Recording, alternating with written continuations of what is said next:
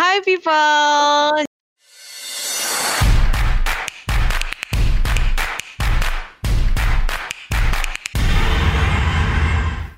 Balik lagi bersama kita Meta Foresight. Uh, bersama saya Hanif, terus ada Aswin, siapa Aswin? Halo. Ada Angela. Oi. Terus ada Noval Yudhistira. Oi, oi, oi, oi, oi, saya hadir. Eh, jadi kali ini kita akan membahas tentang perbandingan antara sabun cair dan sabun batang gitu. Jadi Sabun.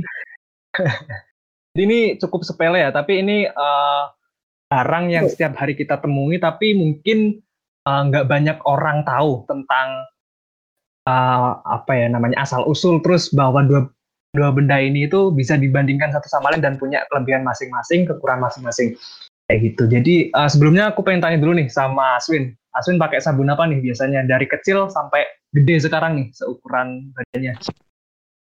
Eh, biasanya sih sabun cair sih dari dulu. Sabun cair ya. Oke. Mbak Angela, Aku sabun cair juga. cair.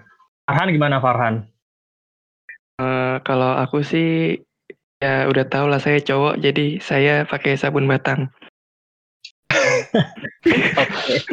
Oke. Ambigu sekali ya Anda ya. Iya benar. Ada hubungannya Kalau- lah ya. Iya benar-benar. Biar bisa ini ya buat biar lebih lancar lah ya benar-benar. Kalau aku Iya. gini dulu aku Makanya. eh, sam- dari SMP sempet pakai batang. Terus setelah itu sampai sekarang akhirnya cair ya. Kita bahas apa-apa aja gitu pertimbangan kenapa kayak gitu. Eh kita masuk ya ke pembahasan kuis. Keren. Jadi ini kita bahas dari sejarahnya dulu nih. Awal mulanya apa sih ada sabun gitu ya. Jadi awal mulanya tuh dikutip dari Papyrus Eber, itu dokumen kesehatan Mesir ya. Uh, Mesir kuno tahun 1500 sebelum Masehi. Kalau masyarakat Mesir kuno itu udah menggunakan kombinasi minyak hewani atau nabati uh, yang dikenal kemudian uh, garam alkali ya. Terus kemudian diperkenalkan istilah saponifikasi diambil dari kata sapo, sop atau sabun itu digunakan untuk membersihkan badan atau menyembuhkan penyakit kulit. Gitu. Jadi itu udah ada dari zaman Mesir kuno, tapi emang dari minyak hewani. Kemudian itu berkembang dan baru diketahui kalau itu benar-benar bisa membersihkan badan itu dari zaman Romawi kuno. Ketika itu kan memang mereka eh, apa ya namanya sering mengadakan upacara adat berupa pemotongan hewan untuk korban kayak gitu dalam upacara. Nah, ketika hujan, sisa-sisa lemak hewan yang bekas pemotongan itu tercampur dengan abu kayu pembakaran. Kemudian mengalir ke sungai, kayak gitu, suatu sungai di bawah gunung, namanya itu Sungai Tiber. Dan mereka secara tidak sengaja saat masyarakatnya itu men- mencuci, mencuci baju kayak gitu.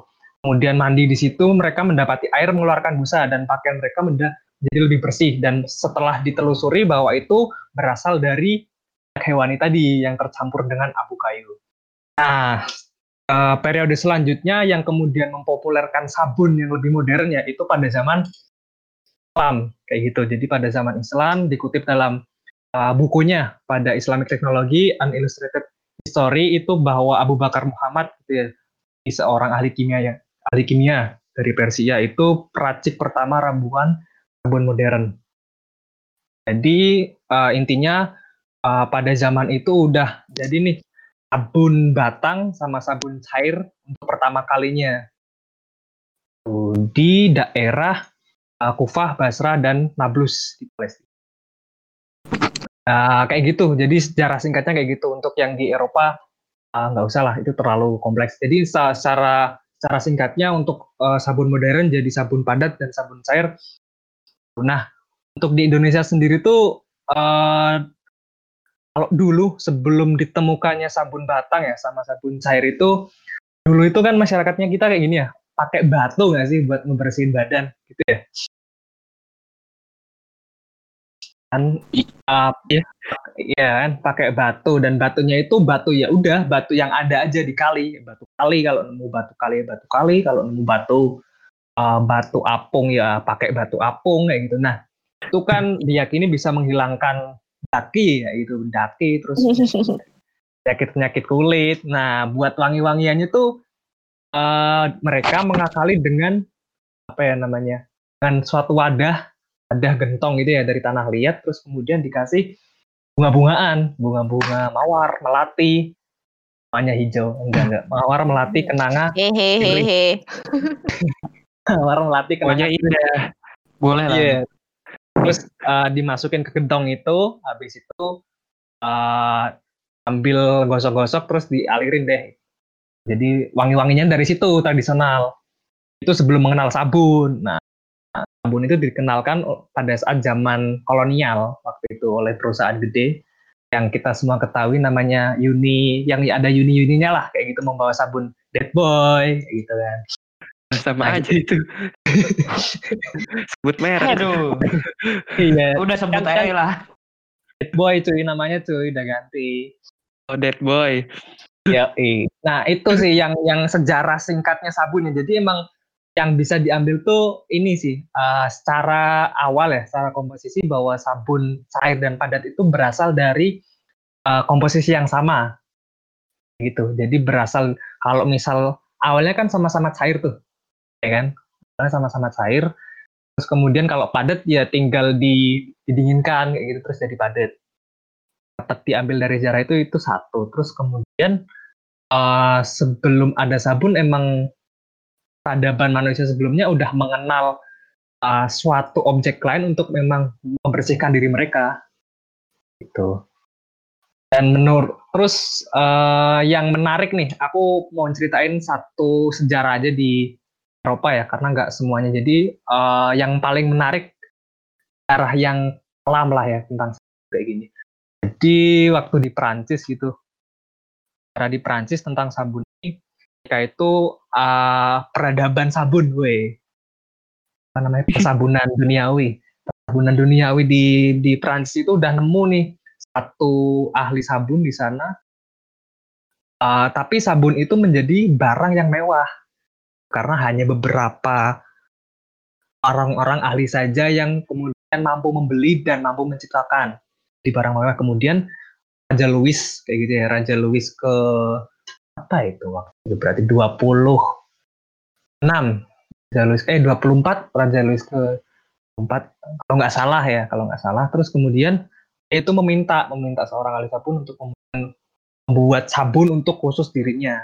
Nah setelah digunakan itu mem- membuat eh, meminta tiga orang ahli sabun setelah digunakan ternyata raja ini tuh ini apa namanya mengalami iritasi.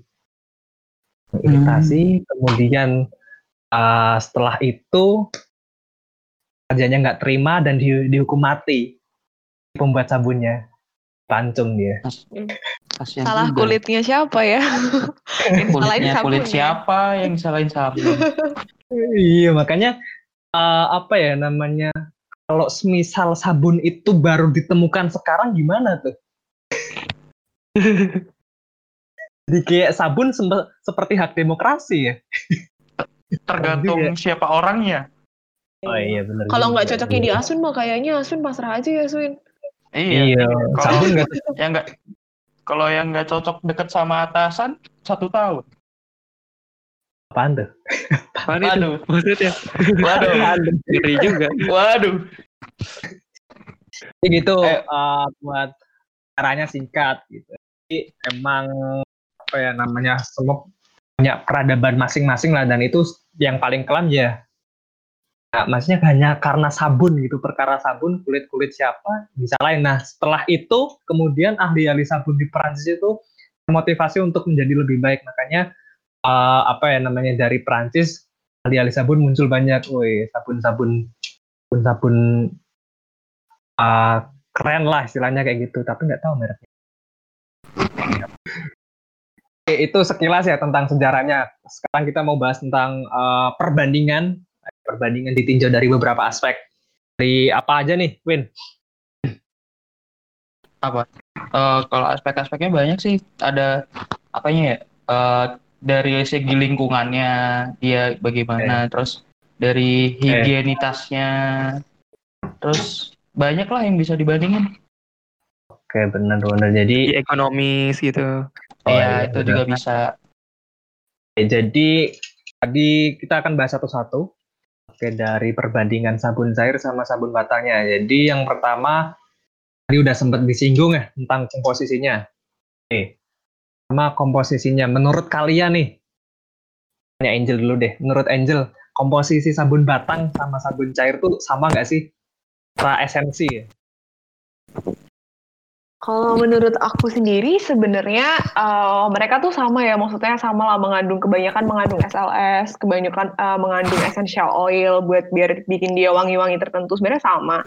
Yang membedakan ya cuman dari kadarnya dan eh, perbedaan membuat dia tuh jadi sabun batang yang padat sama sabun yang liquid kan berarti. Itu pasti ada cairan khusus yang bikin dia bisa beku dan yang bisa bikin dia cair banget. Nah kayak gitu. Kalau aku sih nyorotnya kalau dari sabun batang dan sabun cair ini mungkin ada perbandingan yang tadi belum disinggung kayak ke environmental effect-nya gitu loh kayak uh, dan Ah. environmental impact lah kayak gitu sih. Ada beberapa riset juga yang sempat ngebahas tentang si environmental impact ini. Oke.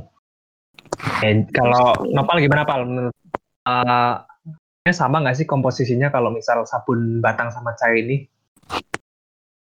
Kalau dari komposisinya itu ya menurut aku sama sih, cuma mungkin bedanya ini bentuknya aja ya.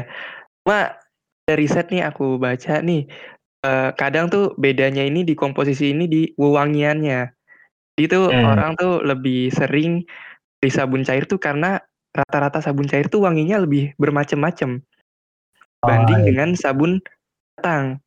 Tuh sabun batang itu kalau dibuat wangi-wangian tuh kurang. Jadi kalau orang yang pengen nggak apa ya, mungkin ada beberapa orang yang suka wangi-wangi. Jadi kalau di sabun batang itu ada yang eh, apa ya, plain ya, netral gitu, nggak ada wangi. Jadi cuma untuk membersihkan aja. Jadi itu lebih apa ya?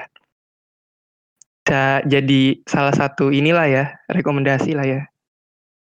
Itu sih. Iya, iya, iya. Oke, itu tadi dari segi komposisinya jadi secara umum memang sama gitu.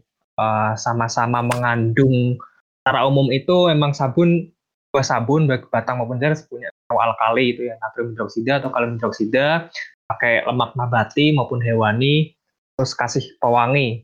Memang secara itu secara wangi-wangian emang lebih wangi sabun cair daripada sabun batang itu dari segi komposisi perbandingannya seperti itu. Kedua, kita mau bahas dari segi ekonomi. Dari segi ekonomis itu berarti kita ngomongin harga. Nah, kalau dari segi harga gimana nih Win? Ah, sabun cair sama sabun batang. Kalau dari segi harga sih ya, aku udah lihat-lihat beberapa harga nih, beberapa merek. Itu dia kan pasti suatu merek pasti ngeluarin eh, sabun padat dan sabun cair. Nah, kalau menurutku tuh ya lebih hampir sama sih, nggak jauh beda kan perbandingannya. Tapi dia sih si sabun padat tuh nggak mungkin mililiter kan ya. Si sabun padat tuh pasti dia ukurannya gram-graman. Kalau si eh, sabun cair tuh liter-literan kan. Dia paling kecil tuh kalau sabun cair tuh 70 70 ml tuh paling kecil. Kalau yang si si apa sabun padat tuh paling kecil dia 65 gram. Jadi perbandingannya tuh ya susah ya bandingin.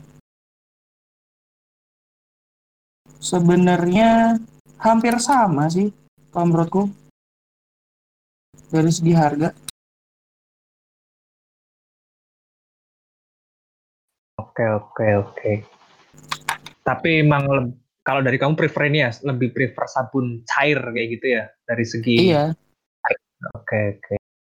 Dari Angela gimana nih, Angel? Kalau dari harganya sabun cair sama sabun sabun batang, sabun padat.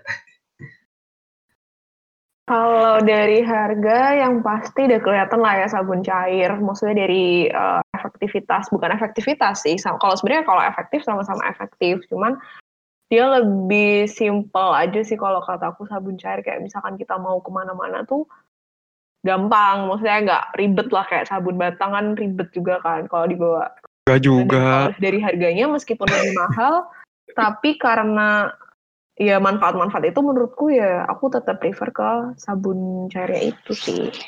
Gitu. Yang jelas emang lebih mahal pasti sabun cair daripada sabun batang. Tapi sebenarnya nggak jauh beda kalau dihitung-hitung. Iya sih. Nah, kalau dihitung persamaan ininya ya beratnya. Iya. Berapa gram dan mili. Tapi kalau misal ini dari ngomongin ekonomi berarti kan misal uh, perusahaan nih emang targetnya target buat sabun batang itu buat orang-orang menengah ke bawah dan sabun sabun cair itu emang buat ini yang berpikiran bahwa sekalian nih belinya yang banyak kayak gitu biar bisa nyetok. Kayak gitu nggak sih mikirnya? I- Jadi em- Iya sih. Betul benar. Jadi Dan- dengan harga sekian dia dapat banyak gitu lah. Ah, kayak gitu. Mungkin mungkin bisa jadi kayak gitu kan? Atau Iya. emang ya emang lebih mahal kayak investasi aja emang lebih mahal jatuhnya dan ah, lebih mahal dan apa ya namanya perbandingannya juga lumayan sih karena emang nggak ada kalau misal sabun batang nih nggak ada nggak ada ukuran sabun batang yang sabun cair Itu kalau dicairin pun nggak bisa sampai banyak juga. Itu Iya kan, kalau- gotongnya susah. Iya. apa Val? Masuknya aja udah susah. Tapi coba ya- sabun batang segede batu bata. Sih Mana coba itu mandinya? Satu kamar mandi aja udah penuh. tapi ini loh Hmm. aku pernah pernah baca ini ada ada orang-orang yang kemudian karena sabun batang itu lebih murah dia dia beli langsung empat kayak gitu. Dia beli langsung empat atau dua lah. Nah, dia beli langsung dua terus kemudian dijadikan sabun cair. Tuh, jadi Mana si orang jadi si orang-orang ini tuh menganggap kalau ah lebih mahal. Jadi aku beli beli dua sabun batang atau empat sabun batang aku jadikan sabun cair terus kemudian bisa di stok juga akhirnya. Kayak gitu. Jadi caranya ntar sabun batangnya diparut kayak gitu ya sabun batang. Ya, Iya sih. pakai parutan pakai parutan keju kan entahlah Iya. parutan apa kemudian di- dimasak dikasih air secukupnya ya kayak gitulah pokoknya terus dijadiin cair dan jadi sama kayak ukurannya gitu. juga sama. ukurannya ya tergantung ininya ngasih airnya Iya. kekentalannya kayak gitu jadi emang ya Mengeluarkan effort orang- juga ya. iya itu insentifnya di situ emang jadi Hmm. emang emang dari sini dapat di, diambil kalau emang sabun batang lebih lebih murah harganya kalau misal sabun air lebih mahal tapi untuk terjangkau atau enggaknya itu masing-masing lah ya kembali ke masing-masing ya kalau terjangkau atau enggak Segmented lah ya. Iya, kayak gitu. Oke, selanjutnya kita mau bahas dari segi ininya. Apa namanya? ah dari aspek kesehatannya atau kebersihannya kali ya dari ah, tujuan awalnya ada sabun kebersihannya. Kebersihan dalam arti bisa menghilangkan bakteri dan lain sebagainya kayak gitu. Kalau dari Nopal gimana nih, Pal? Untuk perbandingan secara aspek kesehatan antara aspek kebersihan antara sabun batang sama sabun cair kalau digunakan terus menerus. Ya, kalau dari segi kesehatan ya, ini aku juga baca nih dari jurnalnya Heinze. Itu dia nyebutin kalau perbandingan antara sabun cair dan sabun batang itu eh, 99% itu eh, tidak akan eh, bakterinya itu tidak akan menyebar di tubuh manusia. Bahkan ada walaupun dipakai dengan eh, orang-orang yang berbeda itu khususnya sabun batang itu karena apa ya jadi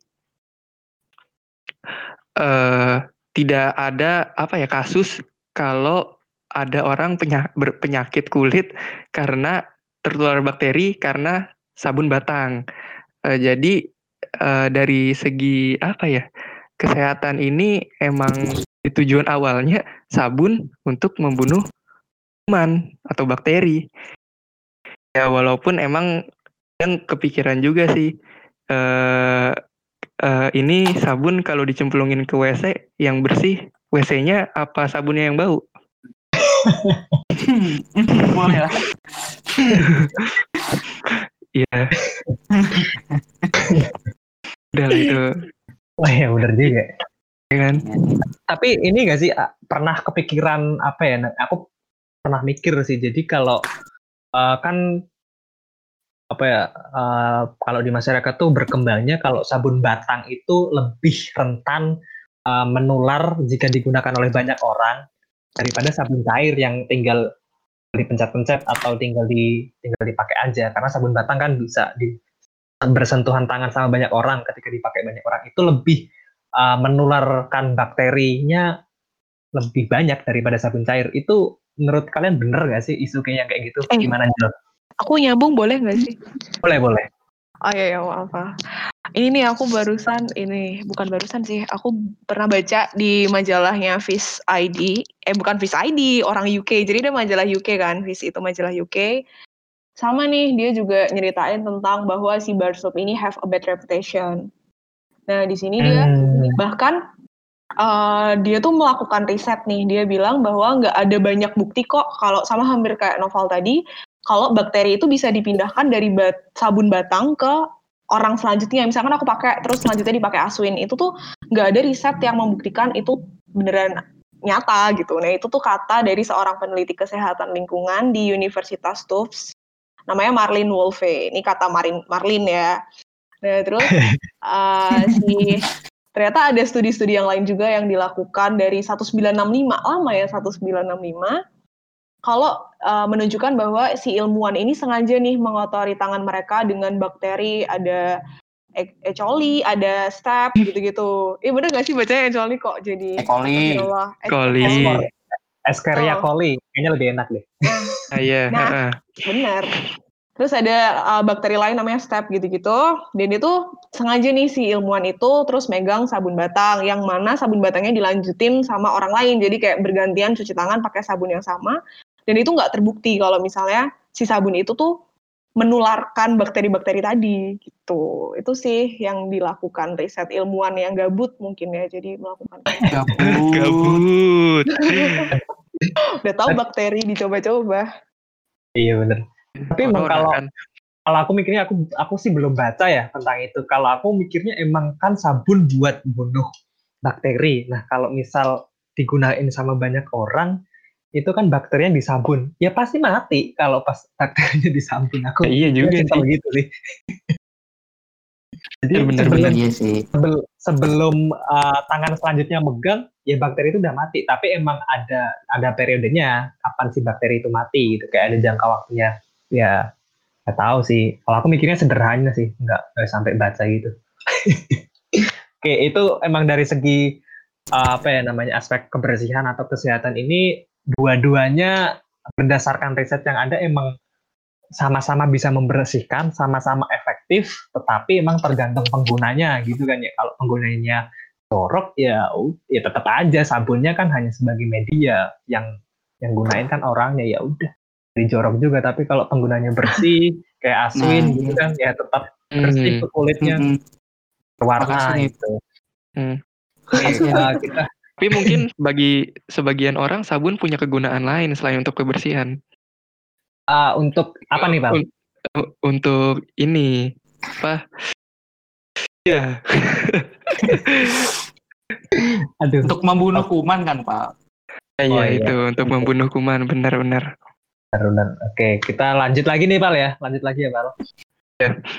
Oke, lanjut ke aspek selanjutnya itu ini kemasan atau packaging dari aspek kemasan gimana sih uh, dari kemasannya sabun cair sama kemasannya si sabun batang. Gimana nih Pal, menurut kamu Pal, kemasan si dua-dua sabun ini? Kemasan ya? Hmm. Kalau kemasan ini biasanya itu kan sabun apa cair itu di uh, kayak deterjen ya atau enggak yang buat di botol di pencet-pencetan. Nah, dari segi uh, kepraktisan ini emang kalau digunain tuh lebih praktis kemasannya yang uh, pencet-pencetan tuh bisa tinggal pencet keluar sabun langsung.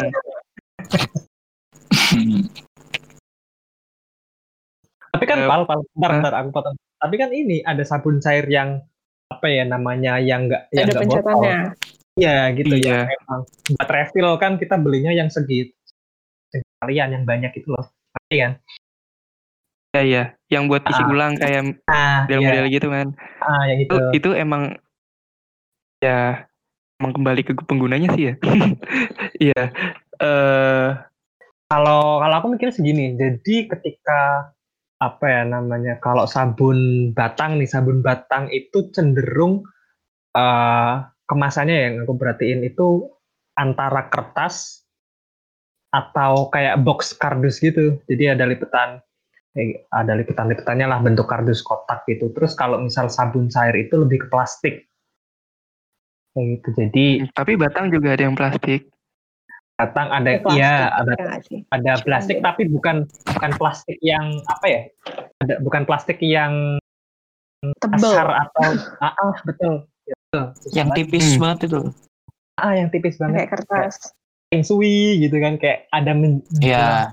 ada menjelang ada kertasnya ada menjelang ada plastiknya gitu kayak tipis-tipis gitu terus ada juga yang sabun cair yang botol eh yang botol itu kan yang Iya. botolan nah itu Iya, iya. kalau dari segi kalau menurut aku nih ya kalau dari segi kemasan itu emang kemasan yang mengarah ke ekonomis perusahaannya lebih eh, sederhana ngebuat ini ya lebih sederhana ngebuat sabun batang Iya, benar sih? juga sih. Dari- Iya, iya. daripada ngebuat eh, kemasan si sabun Bun cair. Tapi si perusahaan mikir mikir balik kali kenapa dia lebih mau produksi sabun cair karena uh, targetnya dia emang lebih banyak pengguna sabun cair daripada sabun batang ini. Hmm, Karena hmm, hmm. mungkin sih mikirnya kayak gitu. Jadi tapi kalau misal kita menengok ke ini menurut aku ya. Jadi ketika menengok ke segi lingkungan, sabun cair ini uh, secara kemasan dia nggak ramah lingkungan nih. Tetap. Tapi secara apa ya namanya kita mikirnya kan, tapi untungnya nggak ada sabun cair yang saset kayak sampo. belum belum belum. Tapi aku kalau ada pengen beli loh. Kalau misal ada sabun cair yang saset kayak sampo, eh, itu kayaknya limbahnya lebih banyak. Dan kenapa nggak ada yang kayak gitu? Karena sampo nggak digunain tiap hari. Itu satu. Itu menurut aku ya, sampo nggak digunain tiap hari. Yang kedua, eh, biaya yang dikeluarkan akan lebih banyak kayaknya si perusahaan buat memproduksi sabun saset. Hmm, eh ini eh, ngomong-ngomong soal si environmental impact nih, Iya. ini kalau dibilang mana yang lebih ramah lingkungan jelas sabun batang. Hmm. Di mana tuh eh, ada nih kayak riset gitu, sepertinya pakai si Mapro jadi kayak nge-TA. Jadi dia bilang Aduh. kalau from cradle to gate si liquid soap Oke. ini butuh lima kali eh, energi untuk raw material productionnya dan 20 kali energi untuk packaging produksinya daripada si bar soap biasa. Gitu dari Hmm. 5 kali dan 20 kali aja itu udah benar-benar uh, signifikan menunjukkan si seberapa parah sih environmental dari si sabun cair ini sebenarnya itu dari uh, Converse- Conservation Magazine-nya University of Washington. Lumayan Hmm. besar. Iya. Lumayan juga ya. Eh, dari segi kemasan memang udah di sini kelihatan gitu. Sabun batang lebih lebih sederhana lebih bisa dikatakan lebih ramah lingkungan dari sabun cair kayak gitu ya. Itu kalau dari segi kemasan kayak gitu sih. Jadi emang ada kelebihannya dari segi kemasan masing-masing ini. Oke eh, setelah dari kemasan kita mau nyoba ke perbandingkan dari segi pengguna.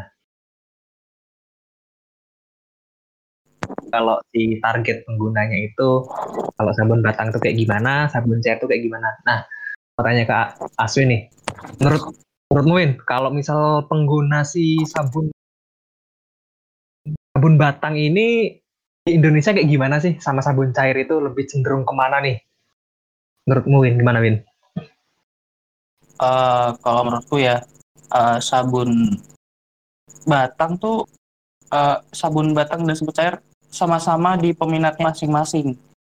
Jadi kalau di Indonesia ini menurutku ya ya hampir sama lah paling eh, selisihnya paling dikit. Kalau tapi lihat segmentednya kayaknya lebih banyak di sabun cair karena lebih eh, gampang dibawa ke mana-mana, lebih apa ya lebih dari faktor-faktor yang lain tadi jadi lebih apa harga bisa dapat eh, ke apa ya namanya eh, kenyaman kenyamanan kemudahan terus eh, dari faktor-faktor yang lainnya juga sih harganya itu kalau menurutku sih lebih banyak sabun cair Banyak sabun cair ya.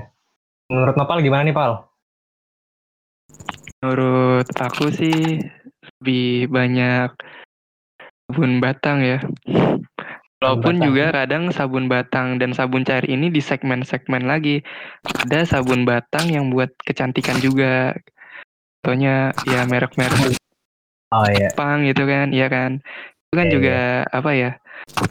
Ada segmentasinya juga, ada sabun bayi gitu, sabun batang gitu kan. Oh iya benar. Eh, kadang ya mungkin kalau dibilang banyak sabun batang apa sabun cair itu lebih harus ke di apa namanya di breakdown lagi itu segmentasinya gimana. Sama-sama sih menurut aku dua-duanya sesuai segmentasi lah balik lagi. kegunaannya gimana gitu loh Hmm, betul. Kalau dari aku ya, ini kan sekarang lagi wabah COVID ya. Kalau dari aku akan untuk sekarang ini lebih banyak pengguna sabun cair. Hmm, Karena pernah nggak sih kalian lihat di misal ah, kalian cuci tangan pakai sabun batang. Eh, kalau kalau buat di tempat-tempat publik di luar pasti pakainya sabun cair sabun cair kan? iya ya. Di rumah Cuma dari kalau maksudnya yang yang kita lihat yang kita lihat bersama itu kalau di tempat-tempat publik kebanyakan pakainya sabun cair kan. iya Hmm, sabun cair atau hand sanitizer. Tapi kan kalau misalnya itu ada air pasti saya pakainya sabun cair kan. Iya Menurut aku itu eh, dari sini aja kayaknya masyarakat udah pada belajar gitu, udah pada belajar kalau misal sabun cair eh, lebih apa ya lebih bisa dimanfaatkan dari segi kebersihan untuk membunuh kuman daripada sabun batang. Berpikirnya seperti itu. Jadi eh, branding sabun cair di sini untuk segi pengguna akan jauh lebih banyak daripada sabun batang. Kalau menurut aku sih kayak gitu. Tapi emang uh, ini aku uh, apa ya namanya salah satu alasan kenapa sabun batang masih dipertahankan itu kayaknya uh, emang udah jadi uh, di Indonesia ya? Tadi dari sejarah dari sejarahnya emang dari di Indonesia emang awalnya sabun batang batu. ini iya pakai batu. Pakai batu dan kemudian untuk membersihkan kulit. Dan itu terjadi cuy. Itu terjadi di ini apa namanya uh, di rumah nenek kebiasaan. Ah, di, aku kemarin di, kemarin di rumah nenekku terus kemudian aku kamar mandi. Dan di situ ah, yang ada sabun batang. Banyak yang udah pada kecil-kecil gitu kan. Pernah tahu gak sih sabun batang udah pada kecil-kecil? Iya. Ah terus iya. sabun batang. Terus aku Udah tanya. gampang lepas itu kan. Ah, udah gampang lep- lepas. Terus ada yang disambung-sambungin. Terus jadi gede lagi. Iya, iya, iya. gede lagi. Aku nanya "Ah, kenapa nggak pakai sabun cair aja kan aku coba iseng nanya terus jawabannya sederhana kalau pakai sabun cair ntar cair di badan nggak enak hmm, Hmm, boleh nih emang punchline nih Jadi eh, apa ya namanya? Kayaknya ini analoginya cocok ketika sama eh, kita makan nasi. Tadi kan udah makan nasi. Eh tadi kan udah makan jagung. Nah kan belum makan nasi, jadi belum kenyang. Kayak gitu Oh, kayaknya. Analoginya Oh, kayak bisa, udah bisa. jadi, nah, Boleh, jadi kayak boleh. udah jadi udah jadi budaya. Terus kemudian ah, susah nih buat dilepaskan. Makanya perusahaan masih mengincar segmen relung ini nih, ah, segmen relung-relung baby boomer. baby aku boomer baby boomer sih. ya. iya kan? Baby boomer. Iya. Terus eh, ini ya aku baca juga ada ada sabun yang ini sabun dari apa ya meng- mengadopsi kali ya eh, dari sejarah kemudian ada sabun batang yang berasal dari aluminium steel kalian pernah pernah tahu nggak itu? Buatnya Pernah. dari aluminium. Iya, pernah sab- sih pernah nih sabun batang dari aluminium steel. Besar dengar nggak, Angel? es batu aja ada Ya, es batu kan nggak dari batu. Pernah denger tapi nggak pernah yang kayak lihat langsung dan tahu langsung. Cuman pernah denger-denger aja. Jadi katanya emang ada ada sabun dari aluminium steel dan itu ada ada produk ada produsennya dan terjual dan katanya uh, si sabun dari aluminium steel ini bukan untuk membersihkan lemak ya tapi untuk membersihkan apa ya namanya bukan untuk kotoran juga tapi untuk membersihkan bakteri ya gitu bisa kayak gitu. Kirain bersihin Jadi, dosa. Kalau tangan kotor bukan pakai. Kalau buat bersihin dosa ke Aswin bisa. Oke. Hmm, Saya bukan coba. Jadi ada ada Iya, jadi ada ada sabun itu juga dan eh, kayaknya masih eksistensi sabun batang bahkan terus ada kalau misal ada ada proses modernisasi kayak gitu. Jadi emang sabun batang sama sabun cair akan ada masanya, akan ada penggunanya juga di segmen-segmen tertentu. Gitu. Jadi ah gitu ya. Teman-teman buat pembahasan perbandingan sabun batang sama sabun cair kali ini ah, untuk kelebihan sama kekurangannya kalian udah dengarkan sendiri ya dari segi komposisi, ekonomi, kebersihan, packaging, pengguna, terus ada ada info-info ada apa ya penelitian yang sudah dilakukan dan jadi apakah kalian termasuk tim sabun batang atau tim sabun cair? Salam Foresight.